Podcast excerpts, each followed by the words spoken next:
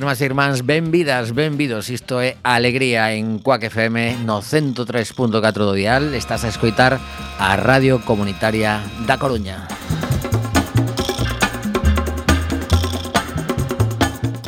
Mr. Bugalú acaba de facer ese maravilloso cambio para que Tito Puente demostre o seu talento coas percusións. Música Tome Desastre, un día máis aquí 24 de xaneiro para que nos escoite en redifusión, en podcast Ou mellor nos estás a escoitar en 2030 Cousa rara, pero pode suceder Porque o mellor dis E que, que facía Manel Cráneo en Cuac FM o 24 de xaneiro de 2024 Un día tan bonito que 24 do 1 do 24 Pois estamos ese día, pero ti estás no futuro. Bueno, poñéndonos un poquinho serios, a verdade é que a, a realidade que nos rodea é para asustarse moitísimo. Ese avión que se estrelou hoxe mesmo eh, entre Rusia e Ucraína eh, o de Gaza e Israel que xa non sabemos nin como calificalo. As persoas que sigan o proxecto Utopía que ten eh, Gabriel Tizón que está en África dende fai tempo que falamos con el que nos vai amosando un pouco a realidade dese continente cunhas fotografías maravillosas pois mm, as verdades que mm, xa o comentamos moitas veces tendo unha hora a semana realmente se si nos metemos nese, nese mundo mm, que nos contan todos os días en todos os medios pois perderíamos de falar de cousas que, que mellor están máis preto de nós eh, por iso pois evidentemente sendo conscientes de todo iso e o de Corea o de Corea. Bueno, é que empezamos a sumar países e Eh, e como están en Latinoamérica? Bueno, depende. Vale, Mi lei ben. bueno, terá os seus momentos, porque ao mellor alguén lle pega un berro tamén pola rúa. Oh, en máis de un vanlle dar. Calculo, eh? Calculas ti ben, non? Eh, bueno, xa non falamos da carreira á presidencia dos Estados Unidos. Isto dicímolo para os que estén escoitando o podcast en vez de 2030 en 2025. A carreira de coxos, queres dicir, non? Bueno, Porque, bueno, bueno. Ostra, están o sea, atletas de élite, eh? O sea... Non, non, aparte son chavalada, todo o que se Todo chavalada. Todo chavalada, a, a, a xente que vai votar en Estados Unidos está escollendo de, de 70 para arriba aí con alegría que Confiemos, confiemos en, en Bernie Sanders, alternativa nova tamén, sí, eh? Bueno, pues Estamos nada. como queremos. Ai, Pues mira, falando de chavalada de Estados Unidos, Susana Hobbs, a mítica cantante de, de Bangles, eh, cumplía esta semana 65 anos, está fantástica a muller, Eh, non sei por qué. A ver, devin... estivo fantástica sempre, to hai que dicirlo. Tamén é verdade, pero continúa estando fantástica. Eh, realmente, non sei, Debido saltarme unha nova e buscar algo relacionado que agora me sae por todas partes, en todas as redes sociais, eh, casi casi me, me estou convertindo en familia con Susana Hobbs. Entón decidín traela eh, na actualidade cantando o seu mítico Manic Monday, pero eh, cunha versión así como repousada, eh, aos seus 65 cunha mm, unha sección de cuerdas e eh, cousas así molonas. E uns cantos gatos, ¿no? Eh, pois pues mira, non os vin. Os gatos. O tal como estás vendendo, é como, ah, esos 65, tomando un té.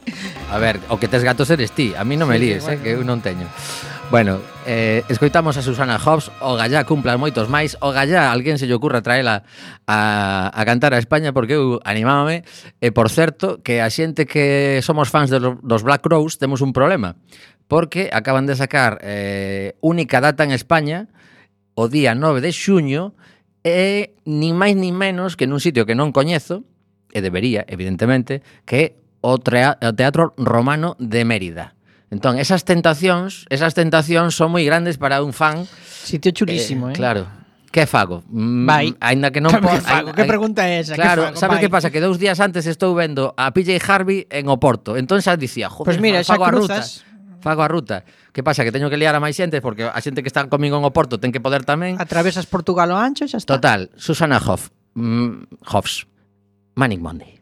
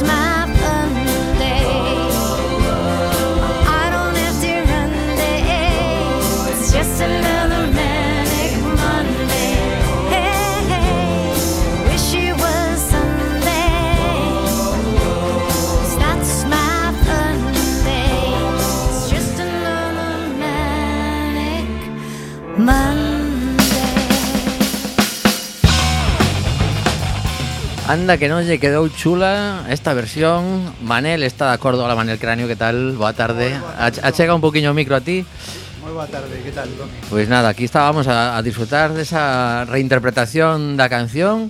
Moito lle eh, gustan os Beatles a esta rapaza, eh? Sí, eh, eh seguramente. Notase, notase, eh? eh bueno, pois notase pues, bastante. Quedamos felices, non estamos a luns, estamos a mércores.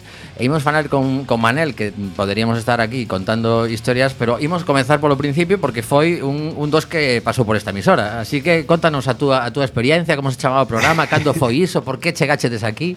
O programa tivo, foi rebautizado con varias eh, con varios idiomas. O principio era Suco de Limone, que empezaron PJ, un colega Sí. meu de toda vida, Alberto Armero, e me convidaron a meterme nesa aventura, era un programa super punky, disparatado, facíamos programas temáticos daquela, pois, eu que sei, eh, vamos a falar de Australia. E a partir de Australia empezábamos con tópicos e era un programa de humor, sobre todo, non? De un humor sin ningún tipo de censuras moi distinto humor que hai que facer agora, que hai que autocensurarse antes de, de sair á rúa con espectáculo, non? Eran tempos moi divertidos, a verdade, estaba iniciándose Quack, eu creo que debeu de ser os cinco primeiros anos de arranque da emisora, non?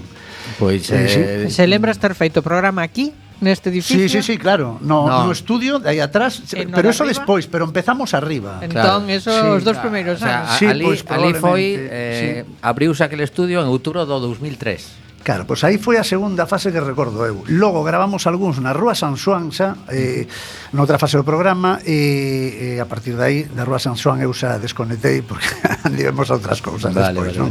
Pero un grato recordo aquí de, de Cuac, e aínda escoito programas de Cuac, de Candombez, e eh, voume conectando, eh, porque eu son de escoitar moita radio e moito podcast tamén.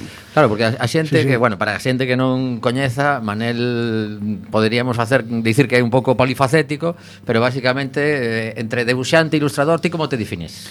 Pois custame cada vez máis eh, traballo. Eh, casi todo o mundo coñéceme pola faceta de ilustrador, eu debuxante de cómic, autor de cómic, pero teño que recoñecer que a día de hoxe igual é unha parte moi pequena do meu horario laboral eh, durante a semana, porque xa me metín a outras leiras, empezas facendo tío traballo de autor e acabas logo facendo traballos de produción, teño unha editorial que se chama Demo, especializada en banda deseñada en lingua galega, que vai a cumplir 15 anos en Caramba, decembro deste ano. Algo haberá que facer. Cando, cando, cando? Eh, en decembro deste ano cumprimos 15. Vale. Ah, entón, no, a, vamos que, a ver se facemos algo estamos, sonado. Es, es que este ano empeza a cumplirse moitas eh, efemérides, digamos, casi, casi, Mariano Maiseu, cumplimos 25 coa nosa empresa, Mardi Gras cumple 25, eh, ti 15, hai que facer algo. Sí, e, e como autor levo pois, uns 30 traballando, o sea, desde o primeiro traballo que recordeu que cobrei, non? O sea, que eu creo que isto é, é un pouquiño algo que marca que hai unha xeración aí de xente nacidos nos anos 70 eh, moi activa que levamos anos dando guerra. Pois non? sí. E seguimos, que, e seguiremos, que é o máis importante. Sí, sí. Bueno, trouxemos hoxe a, a manera aquí precisamente porque aínda podes disfrutar dunha exposición que foi inaugurada o pasado día 12 eh, na Casa Museo de, de Picasso, no pleno centro coruñés eh, ti fuches o responsable de, de comisariar esa exposición uh -huh. de, de decidir a quen chamabas que sempre un tema complicado eh, quen sí, quen no eh, e eh, a verdade eu o teño que, que comentar en antena, xa yo dixen a él que disfrutei moitísimo, eh, que varios dos artistas coñezos a uns máis e a outros menos, eh, creo que a, a xente que se achegue por ali pois eh, non é unha visita que leve moitísimo tempo, pero ao mesmo tempo pois eh, coñeces un pouco esa, esas pequenas peripecias importantes na vida de Picasso a nivel familiar eh, despois esas reinterpretacións que fixeron os, os artistas eh, dos que imos falar eh, da, das obras de Picasso naquela etapa e eh, eh, ou, ou posteriores tamén. Son todos... eh, non, a infancia de Picasso. Vale. Uh -huh. E eh, despois eh, falaremos dunha, dunha virguería que é a que lle chama a atención aos peques, pero bueno, entón, eh, rebobinándonos, eh, cando xurde este, este proxecto? Pois pues casi, eu diría que un poquinho máis de... hai un ano un poquinho máis, eh? quizás máis dun ano. E, a ver, a, a, a plataforma Coruña Gráfica, que dirixo eu, que foi un invento tamén de demoitorial para potenciar e darlle pulo a todos os autores e autoras que se están movendo na cidade da Coruña, eh? unha plataforma local, eh, porque temos un movimento impresionante alrededor da banda deseñada, a ilustración, a animación, 3D, 2D, stop motion, temos xente aquí facendo cosas increíbles, levando premios eh, polo mundo adiante, e tamén no humor gráfico, temos moi bons humoristas gráficos na Coruña, non? Que están traballando a nivel estatal. Entón a plataforma que pretende sempre darlle pulo aos autores locais, e levamos xa funcionando desde 2015. Uh -huh. Empezamos en 2015, entón temos eh, diferentes tipos de propostas, non? Eh, a nivel cultural, eh, para potenciar todo este sector eh, da ilustración gráfica, exposicións, pois, polo xeral facemos unha, dúas ao ano. Esta, en concreto, eh, digamos que non foi algo que partise de nosa idea, foi sacas un encargo institucional do Concello, porque ven como estamos funcionando, eh, gustan as propostas e dixeron, mira, vai a ser o, o ano Picasso, se non é dentro este ano, ainda que sexa po seguinte, necesitamos facer algo na Casa Picasso cos, cos autores locais, con o cual acollimos como un reto importante eh, o de facer a exposición, e pero ao mesmo tempo tamén a miña primeira intención foi desacralizar a figura de Picasso. Porque vamos a ver, eh, vamos a falar da infancia de Picasso en Coruña, eh, ano 1890 91 ao 95 que estivo aquí, era un chaval moi pequeno, de entre 8 e 11 anos, tal, esa época da infancia, pois é unha, unha época na que o artista xogou moito, estaba experimentando, non sabía nin que iba a chegar a ser o que foi. E claro, temos que tomar a figura de Picasso e, e focalizarlo nesa parte da súa vida. O Picasso que veña despois, eu como que me saí da exposición pensei, o que veña despois, sí, hai que telo en conta, eh, porque non deixa de ser Picasso, pero vai me importar pouco a min como comisario, que vamos a intentar xogar eh, que a exposición sexa tamén un xogo de nenos fenómenos. E que todos os elementos que hai na exposición, que ao final casi máis que unha exposición, eu diría que é unha mostra con microexposicións, non? Uh -huh. eh, que cada parte desa mostra sexa un xogo para os autores e autoras que van a participar, non? Un xogo é decir, mira, aí tes un reto, e eh, veña, imaginación, como diría Picasso, non? Que a imaginación o poder eh, e a inspiración que me colla traballando. Uh -huh. Pois un pouquiño eso foi o que fixemos, ponernos a traballar, e eh, outro dos retos era decir tamén ben aos artistas para que cada un e cada unha delas eh, colleran un tema que dentro do reto que supuña tamén lle fose cómodo, non? Uh -huh. Aí podemos dar exemplos, por exemplo, la chica la cinta eh, eh, pois fixo un, un retrato de, de Clipper do, do can, de Picasso Non, perdón, eh, ela fixo uns retratos de cans que tiña Clipper, creo que foi Iria do Castelo, sí. E hai do, dúas obras que son alrededor de cans, porque ele debuxaba moitos cans e tal. E claro, collimos, por exemplo, a Iria do Castelo e a la chica da cinta para esas dúas interpretacións deses bosquexos que fixo Picasso de cans, e porque elas debuxan moi ben a natureza os animais. La chica mm. da cinta é unha ilustradora que está especializada en debuxar animais Mira. especies da natureza. Uh -huh. Entón, pois que mellor, non? Entón, a ese nivel foi moi focalizado o comisariado da exposición. Eh, foi analizar toda a obra que fixo Picasso de pequeno na Coruña, eh, documentarse moi ben e buscar a persona adecuada para cada para reinterpretar cada unha delas. Por uh -huh. exemplo, hai unha que é super gamberra e eh, que que a que fixo Álvaro Dorda, que eu dixen, isto é para Álvaro, non? Que sí, sí, un, a verdad que sí, eh? Debuxo dun atraco, un tipo sacando a navalla, é un tema, ademais, é unha ilustración de Picasso que eu diría que é super rockera, non? Sí, Parece sí, é moi underground, sí, non? Para a época que era. Que tiña nove anos daquela. Sí, con nove anos, pues, él, él, igual viu un atraco, inspirouse en algo que pasou, daquela, bueno, había... O mellor lendo o claro, o, o, que fora, o caso é que el ten un debuxo un atraco que é bastante esperpéntico, ademais. hai que decir que é un auténtico esperpento de Picasso, non?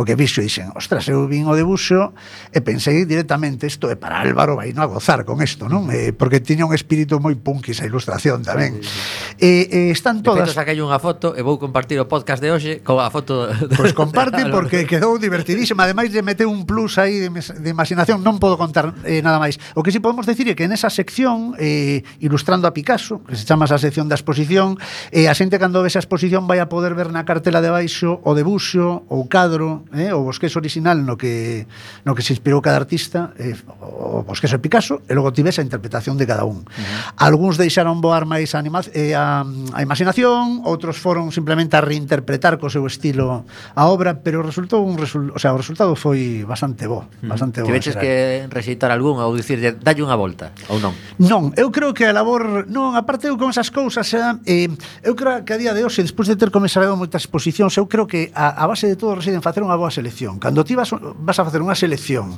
estás moi seguro da quen chamas e coñeces ao detalle a obra que fai cada un dos autores e das autoras, aí podes ter fe cega en que les van a resolver. O caso é, elexilos ben e darles a obra eh, máis a caída para un deles. Uh -huh.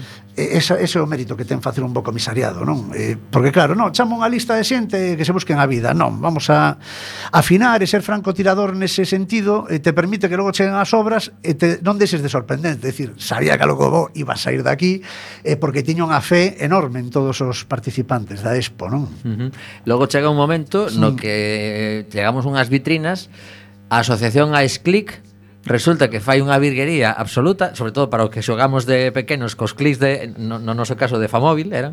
Agora creo que Playmobil, sí, sí. que hai moita xente aficionada que descubres por aí que hai un mundo de tamén de segunda man e de, eu teño amigos ademais, mira, un, outro outro cuáquero sí, sí. precisamente que facía el garaje de Joe, é un auténtico fanático dos clics e anda conseguindo por aí en segunda man e tal. Entón como como se che ocurriu esa, esa parte? Bueno, pues precisamente porque eu teño un fillo de 11 anos e redescubrí sobrín os Playmobil xogando con meu fillo, non? E temos unha boa colección na casa, hai que decirlo tamén. Vale, entón eu pensei, bueno, se isto lle gusta ao meu fillo, ten que gustar a todos os nenos, porque a min cando era neno tamén me gustou. Entón, eh, había unha cousa que estaba moi clara, na exposición tiña que haber algo para atrapar o público infantil. E aí, no, aparte destes catro dioramas que representan catro momentos claves da estancia de o pequeno Picasso na Coruña, temos tamén unhas pezas de stop motion que fixo Algarabía Animación, Tomás e Virginia de Algarabía, eh, que son pequenas anécdotas eh, contadas en stop motion en vertical ademais, as animacións con bonecos de plastilina que se poden ver, ademais, as pezas eh, orixinais ali na sala e que esa parte da exposición, tanto os dioramas de Playmobil como esa parte de stop motion que ademais está pensada logo para lanzar en TikTok esperemos que o Concello faga uh -huh. non porque son en vertical, están pensadas moi para ver no móvil e se estrenan nesta exposición e é un pouquiño enganche para que as novas xeracións eh, entendan por aí un pouquiño eh, a exposición porque hai outras partes que igual non é que sexan máis esudas pero están pensadas máis para público adulto Por exemplo, o arranque da exposición é un cómic, unha banda deseñada, uh -huh. de 10 páxinas que aí é onde se toca máis a estancia de Picasso na Coruña desde unha perspectiva máis histórica, eh, documentándose como era a Coruña daquela época, con fotografías antigas, con anécdotas xa de libro e tal, non?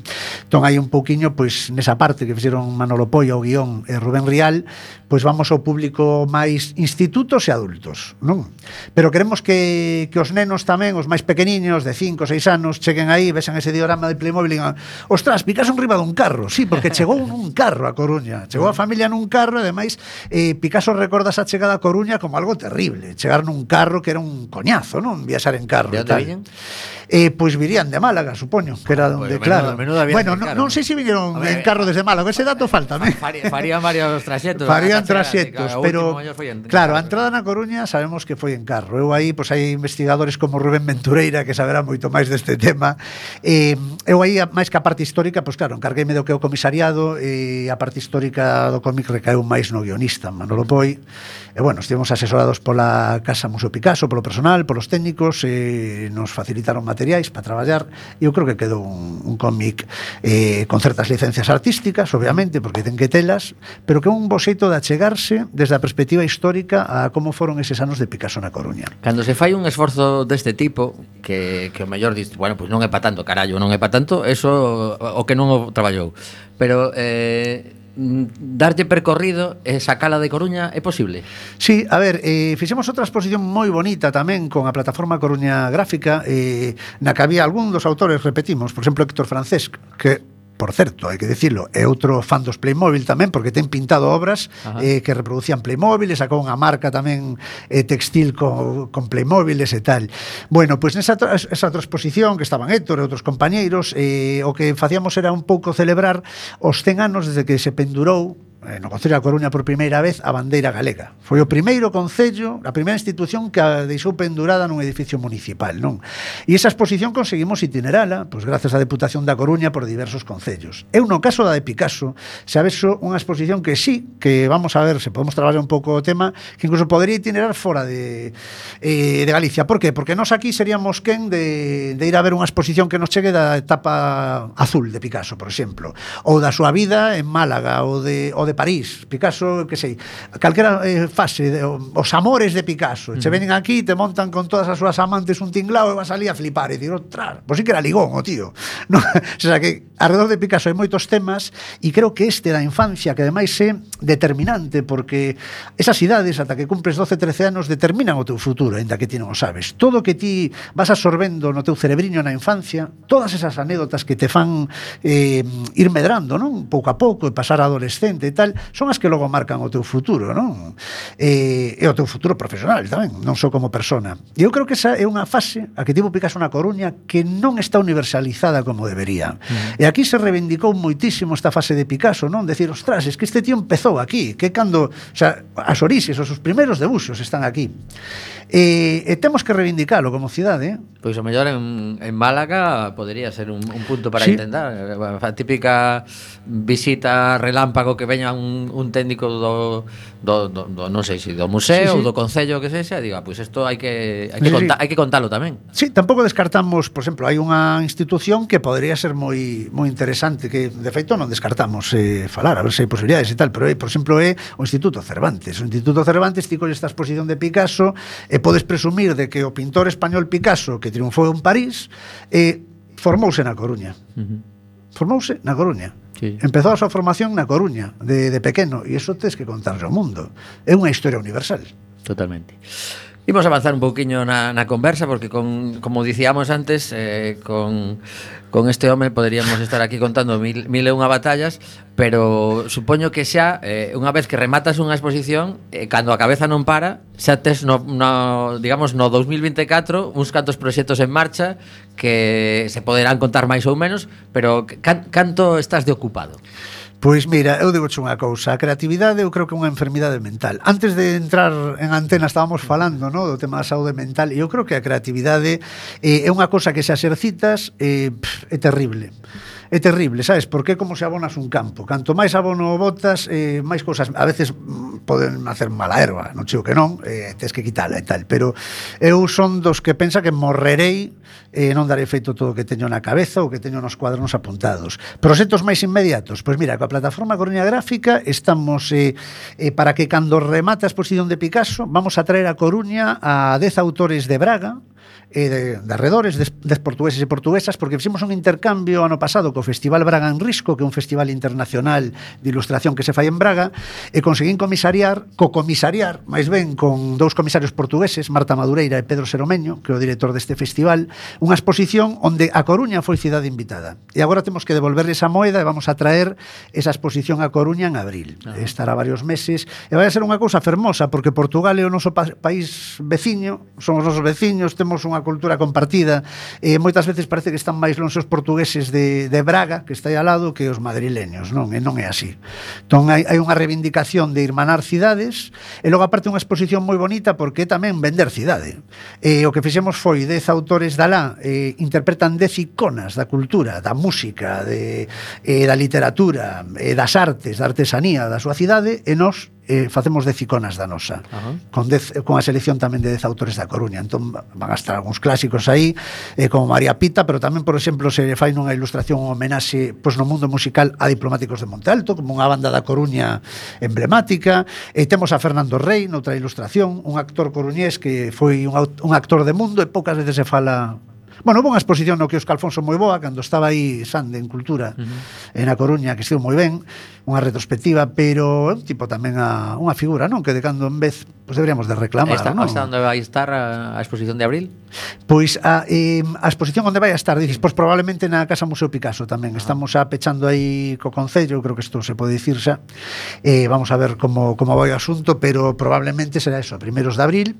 Eh, esperemos que poda estar dous, tres meses tamén. Uh -huh. Eh, falando das cousas un pouquiño menos agradables, pois eh, soen sair problemáticas do sector. Porque eso tamén hai que contalo claro. na radio, porque se non íbamos a, a estar aquí de, da parte guai, pero realmente pues eh, en, en ah, todas pues as profesións hai problemas. Pero se todo o mundo sabe que na cultura non hai problema ningún, claro, que está todo, todo hai ben, a ver, ben. O, o que imos contar agora ata ao final da entrevista que somos todos podería ser ficción. Vamos poñer o, o, un condicional, podería ser ficción.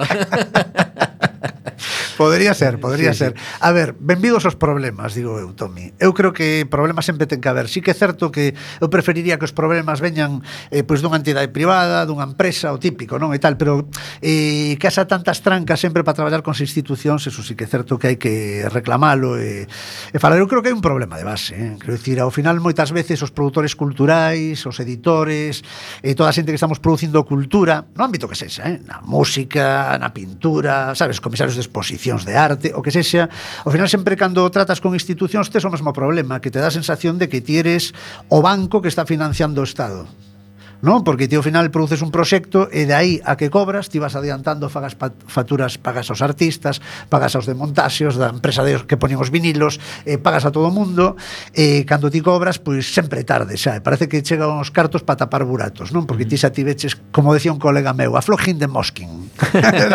ti xa soltaches os cartos eh.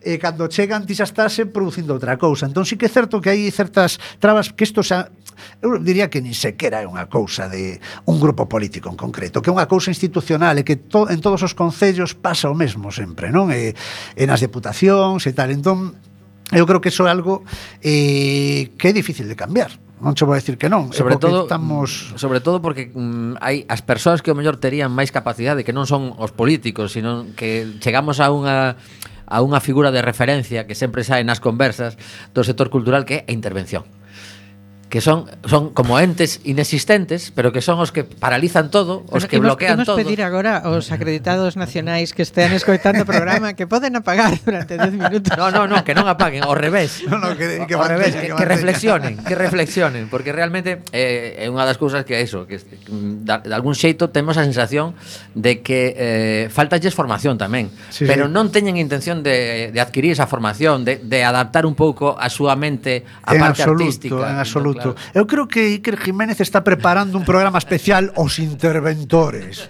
Esas extrañas, sabes? esencias humanas sí, sí, que habitan os, algúns edificios institucionais. Cantas veces se entrevista nos medios? Cero. Claro, claro eh, non, teñen, que non, non queren sair. Porque, eh, nos vemos as caras dos concelleiros, da alcaldesa, dos, dos ministros, do presidente de non sei que tal, pero nunca vemos as caras. Eu nunca Nada. vin a cara dun ningún interventor. Eu gustaríame, eh? Eu, sí, eu nunca sí, coñecín a ningún... Despois de perseguir moitísimo, porque sí, xa era unha cousa pois. sangrantísima. De que... Pois pues, sorte, entón existen, existen. Sí, neste caso era unha muller, existía. nunca se, nunca se dio o suficiente aquilo de que ter o goberno dista moito de ter o poder. O sea, en todos los sentidos, ¿no? Certo, tanto certo, cara certo. fora como cara dentro, porque a maquinaria de administración eh, tenga, ten vida propia e os políticos sí. están de paso sempre. Eh, o funcionariado é moi consciente de que iso acontece. Quero sí, dicir, sí. eu creo que o que decía Tome aquí sí que é certo, hai unha falta de sensibilidade, non? E sobre todo no panorama da cultura. Por exemplo, hai unha cousa que pasa constantemente na cultura. Os artistas, xa fora do mundo de producción, xa os artistas en sí, os creadores, moitas veces están dándose de alta e de baixa según hai máis menos chollo. A merón de parte parte teñen o perfil de traballador autónomo. Uh -huh. eh, prácticamente non hai artistas que traballen para empresas. E os que traballan para empresas xa están supeditados a un traballo de dirección de arte para, imagínate, unha produtora cinematográfica, tal, xa non é un traballo de obra persoal. Ese o fan logo pola súa conta. Entón, eh, o artista artista non pode traballar nunha empresa, porque entón a súa obra se ve totalmente, eh, vamos, eh, capada É así. A túa creatividade vai a estar eh, totalmente dominada por unha empresa que che ten contratado. Traballas a, a favor dese evento que sopla. Entón, o artista artista que está traballando por sacar as súas creacións, que quere facer un disco, que quere sacar unha novela gráfica, que quere facer unha exposición de pintura, estás enfrentando eso constantemente. Hai ondas que veñen e van de máis menos traballo. E a administración non é quen pero a Administración xeral, eh, de sacar algún tipo de convocatorias ou bases que digan vamos a analizar o perfil desta xente, que son traballadores, e vamos a intentar eh, facer algún tipo de bases que se adapten a estas necesidades que eles teñen. Non, aquí eh, eh sacamos unhas bases para autores e creadores como se sacamos para xente que ten empresas de construción ou para xente que se dedica a produción de temas eléctricos ou vaite a saber que. É que de feito moitas veces os, os, os pregos eh, a normativa aplicable é que son os mesmos. Claro. O asunto é que claro. igual non deberían, non? Sí, sí. Eso para comezar, non? Pero hai moitas máis cousas a maiores, é que eh, eh, unha cousa moi curiosa, pero as institucións esforzanse por monopolizar a cultura non? e logo non asumen que a teñen monopoliza monopolizada. Non? Quero dicir, uh -huh. eh, eh, se, se fan proxectos e se fan cousas eh, en relación á cultura en formato subvención, por exemplo, pensando que, bueno, estou unha parte dos ingresos que vai ter o creador ou a creadora. Pero é que non é certo, claro, porque tristemente ese é outro problema de base, é que non, o público privado que está disposto a pagar pola cultura non é suficiente, non abonda. Entón, ao final, toda a cultura está dependendo uh, do Estado.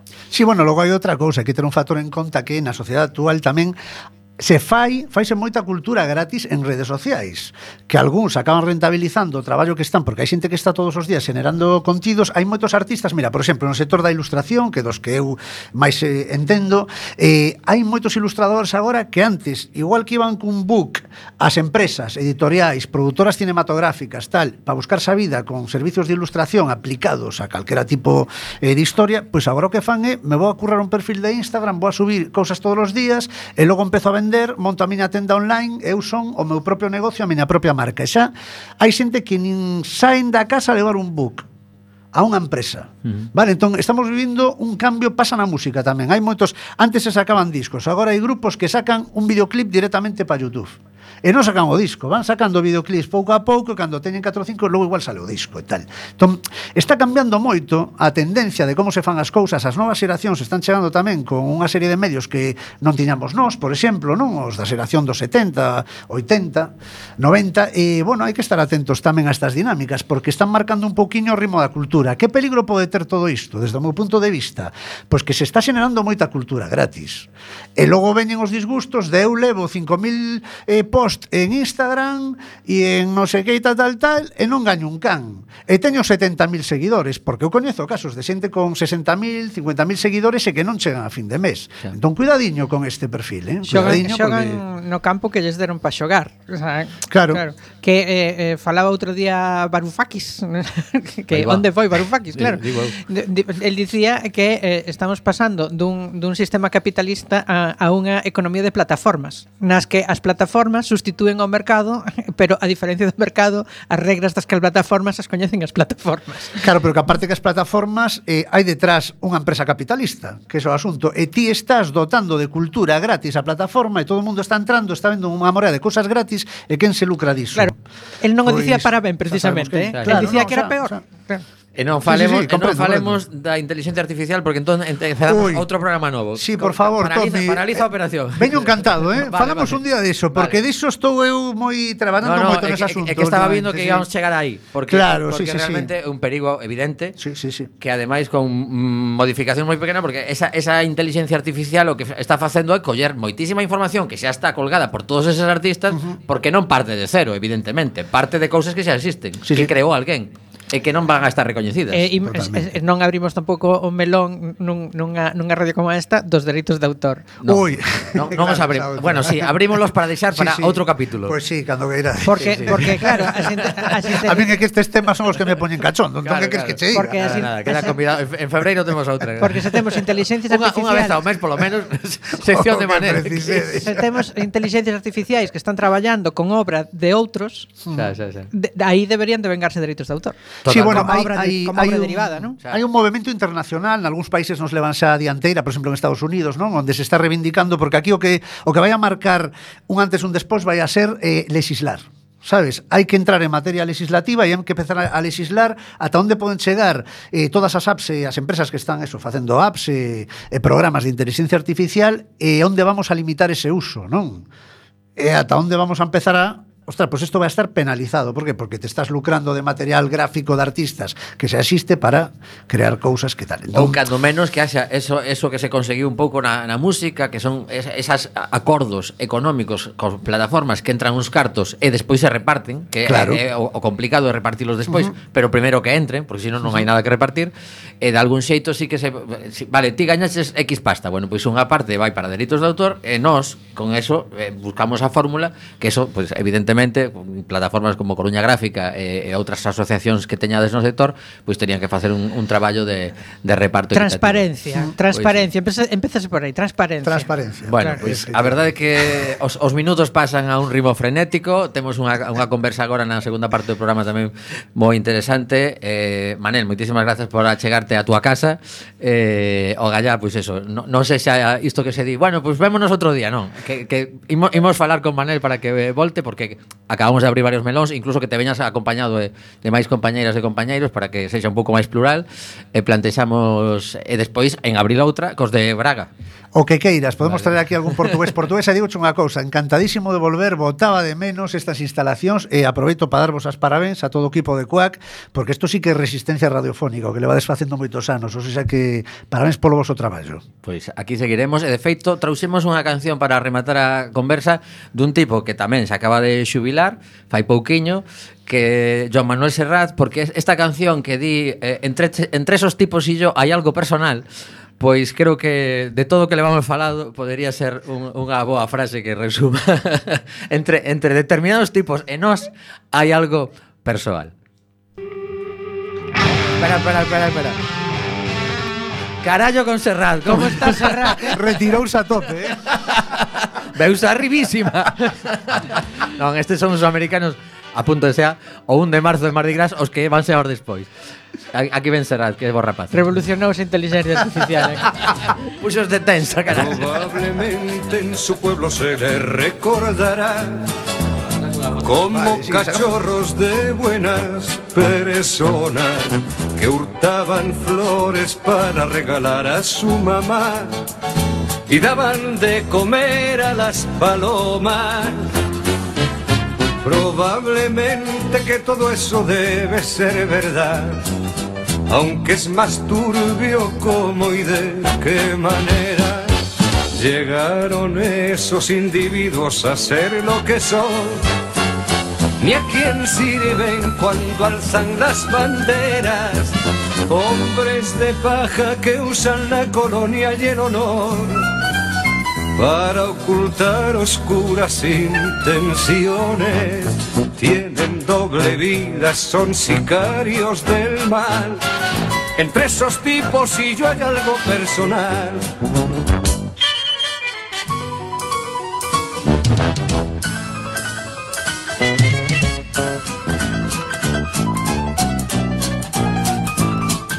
Rodeados de protocolo, comitiva y seguridad. Viajan de incógnito en autos blindados a sembrar calumnias, a mentir con naturalidad, a colgar en las escuelas su retrato. Se gastan más de lo que tienen en coleccionar. Espías, listas negras y arsenales. Resulta bochornoso verles fanfarronear. A ver quién es el que la tiene más grande. Se arman hasta los dientes en el nombre de la paz. Juegan con cosas que no tienen repuesto. Y la culpa es del otro si algo les sale mal. Entre esos tipos y yo hay algo personal.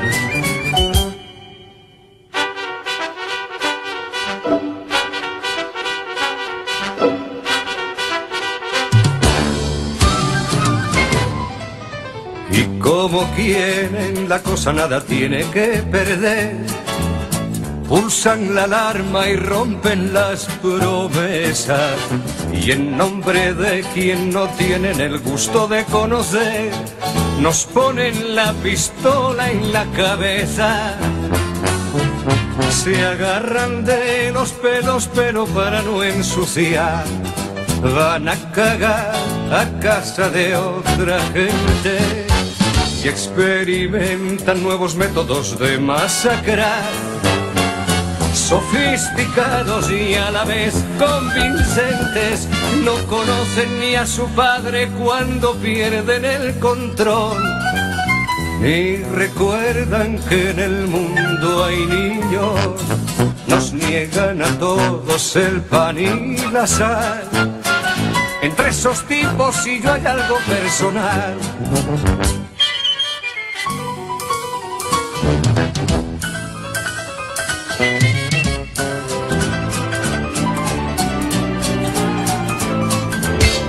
Eso los sicarios no pierden ocasión de declarar públicamente su empeño en propiciar un diálogo de franca distensión que les permita hallar un marco previo que garantice unas premisas mínimas que faciliten crear los resortes que impulsen un punto de partida sólido y capaz de este a oeste y de sur a norte, donde establecer las bases de un tratado de amistad que contribuya Continúas escoitando Alegría en Cuac FM eh, Si hai que construir un tratado de amistade, construese eh, Se hai que falar sobre impagos das administracións Como acabamos de facer no sector cultural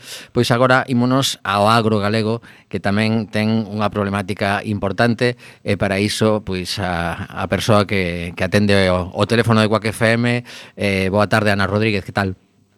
Hola, boa tarde. Moi ben, moi ben. Bueno, pois eh, hoxe recibimos en, en CUAC unha, unha nota de prensa eh, pois, que, que nos, nos preocupou evidentemente pola, pola repercusións que ten dende o Sindicato Labrego Galego e Ana, que é eh, labrega e ademais eh, economista, pois podenos contar o que está sucedendo co, cos impagos da Administración, dos PAC e, e posiblemente outras axudas e as repercusións que ten. Contanos. Pois a, a PAC son as axudas da política agraria común, que para a xente que non é do sector, do, do sector primario non lle, digamos que non lle son, non lle son familiares. As axudas da PAC son comuns a toda a Unión Europea, cada, cada Estado e incluso cada comunidade autónoma dentro do Estado español ten unhas peculiaridades, pero, bueno, rexímonos todos polos mismos mm, reglamentos xerais, digamos, da, eh, son as axudas mm, importantes máis ou menos para según quen, é dicir, en, en Galicia hai xente que cobra moi pouquiño, hai xente que cobra un pouco máis, non somos, somos das comunidades autónomas que menos cobramos, porque temos moi pouca superficie, e son as axudas que normalmente concédense por hectárea que, que traballas ou por animal que tes na tua granxa. As axudas da PAC mm, solicitámolas cada ano, as, os que temos dereito a elas e as que temos dereito a elas, e eh, páganse como anticipo entre outubro e novembro do mesmo ano, é dicir, as axudas do 23, normalmente a Unión Europea, a Comisión Europea, permite que se conceda un anticipo entre o 50 e o 70% da axuda en outubro e novembro, despois a administración suele pagar en, en, en decembro o 90% das axudas e o 10% restante queda para pagar hasta xuño do ano seguinte, por si hai eh, bueno, por si hai algún problema, queda o 10% para pagar. O ano 23 foi o primeiro ano de aplicación da nova política agraria común. Foi o ano moi complexo para nós, como como a gandeiros e gandeiras, para a xente que tramitou as PACs e para a administración tamén, para o FOGA tamén, que, que neste caso que tramita. Foi un ano moi complexo porque son as axudas cada paso máis complicadas e moi moi moi complicadas incluso para a administración, para a súa tramitación. Entón houve moitos problemas e de todos esos problemas arrastramos tamén que non se produciron os pagos nas datas esperadas, e nesas estamos. Claro, eh, moitas veces eh, esta, estas, eh, estos impagos o que repercute en que ti chega a, o momento no que tens que pagar a proveedores, que tens que pagar a, a, a xencia tributaria, etcétera, etcétera, e tens que buscarte a vida como sexa para non entrar en impagos porque senón seguramente despois non podas cobrar. Um, efectivamente hai a xente, hai moitas persoas, cada cada persoa é un cada granxa é un mundo, cada cada explotación é un mundo, pero hai moita xente que conta con esas con eses cartos máis ou menos para facer frente a pois o préstamo que ten no banco, a proveedores de final de ano que son importantes, o que sexa. O caso que esta xente, claro, está moi moi preocupada, echamos sindicato preguntando cando se van producir eses pagos. Eh, según os datos da Consellería, solicitantes da PAC en Galicia hai sobre 24.000. Pagáronse a uns 19.000 e os outros todos quedan pendentes. Entón, bueno, esa xente está moi preocupada porque a maior parte non recibiu ni un só euro do que lle corresponde. Entón, é unha xente que está moi preocupada porque, bueno, porque hai, xa digo, hai circunstancias de todo tipo, hai xente que lle fan moita falta, hai xente que lle fan falta menos, pero a xente, mm, digamos que en certa medida conta con eles, e non nos recibir é unha, é unha fonte de preocupación porque ten que buscar alternativas para claro. facer fronte aos pagos que tiña previsto facer eh, frente con esas axudas que recibimos mm, normalmente todos os anos a finais de a, entre entre novembro e decembro. E a, mm, a decisión de quen cobra e quen non é por orde de chegada ou hai outros motivos? Non, mm, nos entendemos, e así non lo fixo saber a Administración, entendemos que, eh, xa digo, foi un ano moi complexo, entón estas, estas eh, granxas que faltan por cobrar son ou porque lles falta algunha algún trámite administrativo ou ben porque non se fixeron as comprobacións oportunas por parte dos, dos servicios administrativos, non é por orden de chegada, é porque hai que comprobar que cumpre os requisitos ou porque están pendientes dunha inspección. Por exemplo, unha parte, as axudas, xa digo, son moi complexas e van por partes. Unha das partes son o que se chaman ecorregímenes. Os ecorregímenes non os cobramos nadie, nadie deste ano, no, e non nos imos cobrar hasta va, febreiro, marzo, abril ou maio, porque eh, son tan complexos que ni siquiera na administración non nos deu, non nos deu xestionado, non foi capaz de, bueno, de facer as comprobacións que tiña que facer, polo tanto está sin pagar. Non, non é culpa xa, nosa, xa. é culpa de pois de falta de xente na administración ou non sabemos exactamente. Claro. Eh, a marxe de, desta problemática da, da, da PAC, eh, cales, mm, si, si podes sinalar un par de, de problemas que, que levades tempo loitando para que eh, deixen de ser un problema e non hai forma de avanzar, cales citarías? Pois na, mm, no caso das, de, de, do sector primario galego, enfrontámonos neste ano 24 a moitas normativas novas que nos van significar unha, mm, unha burocracia e unha mm, digitalización que aínda que son raro para a xente que non é do sector, mm, digamos que somos un dos sectores máis eh, informatizados e máis digitalizados. Imos ser, se, se, se se cumplen todas esas previsións, un dos sectores máis digitalizados e máis informatizados de, de, dentro dos sectores mm, manuais, digámoslo así, é sí, dicir, sí, sí. se nos comparamos con, con fontaneiros, albañiles, é dicir, somos sectores manuais, pero é un sector moi con moitas normativas e que imos ter que facer durante este ano mm, moita burocracia. Imos ter que ter un cuaderno digital, imos ter que ter un veterinario de explotación, imos ter que ter un, un sistema integrado de, de de información imos ter que digamos que ao final do día cando chegas á casa vas ter que poñerte no móvil ou no ordenador ou contratar a unha persona para que che anote todo o que fixeches ao longo dese día. Esa é unha das cousas que máis nos preocupa durante este ano. Despois este ano tamén nos preocupan as eh, incorporacións, o que lle chamamos incorporacións e plans de mellora. As incorporacións son moi importantes para o sindicato porque é donde se donde ven o relevo xeracional, donde Galicia perde activos na, na actividade agraria permanentemente, e son importante, é moi importante cada incorporación á actividade agraria. Neste caso, a Consellería tamén mm, sacou as novas incorporacións este ano sin aprobar as do ano pasado, polo tanto temos tamén un, a xente non sabe se lle aprobaron o ano pasado ou non, se non lle aprobaron non poderíase volver presentar este ano, pero non o sabe, entón tamén é un em, consideramos que é unha mala xestión dos de, deses fondos que tamén veñen da Unión Europea, das incorporacións dos plan de mellora.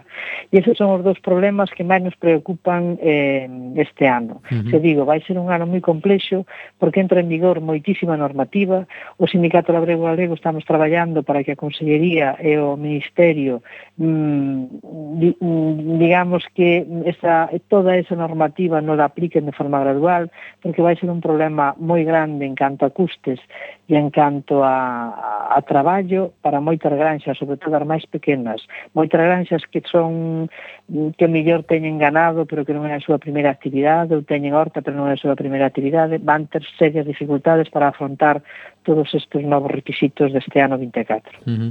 eh, para ir rematando, a, imos a, a parte un poquinho máis agradable, que supoño que é cando estás eh, na túa leira ou na túa explotación, eh, estás en contacto con a natureza, como vai a colleita, semella que pode ser un ano bo se non hai grandes eh, inundacións ou cousas desas que eses sustos que levades de cando en vez?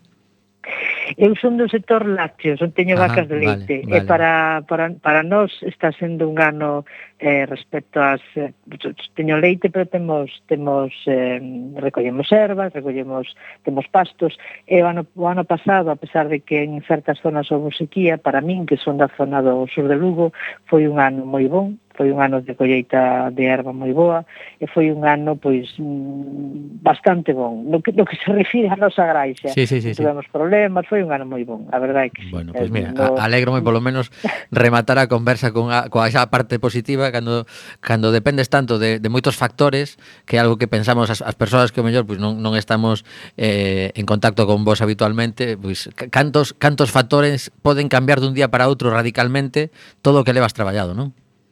Sí, porque foi un ano que houve tamén así enfermedades novas, como a enfermedade hemorráxica epizótica, houve a lingua azul, é dicir, bueno, efectivamente ter moitos factores que che pode facer un ano complicado. Pode, hai xente que morrer en vacas, pero bueno, eu xa digo, na, na nosa granxa foi un ano 23, foi un ano bon, é dicir, non tuvemos problemas ningún salientable, e normalmente, bueno, a traballar cos animais mm, gustanos moito, e son a nosa vida bastante tranquila, o que non la complican bastante. Xa, xa. Esa pereza. De... Bueno, pois pues nada, agora aquí poñerse a teclear. Bueno, pois... Pues... Efectivamente, o que non la complica bastante é a, a, a burocracia que está...